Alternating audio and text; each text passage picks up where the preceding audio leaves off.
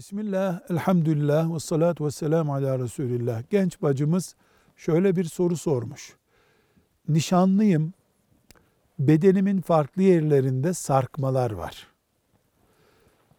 Nişanlıma bunları söylemek zorunda mıyım? Cevap olarak diyoruz ki, yarın ailevi ilişkiyi olumsuz hale getirecek. Yatak odası ilişkisini zayıflatacak nitelikteki hastalıkları, sorunları söylemek gerekir. Peki bu sarkmalar ne durumdadır? Yani ne kadar tehlikelidir, ne kadar zararlıdır, ne kadar tiksindirici niteliktedir kararını da tedaviyi yapan doktora sormakta fayda vardır. Velhamdülillahi Rabbil Alemin.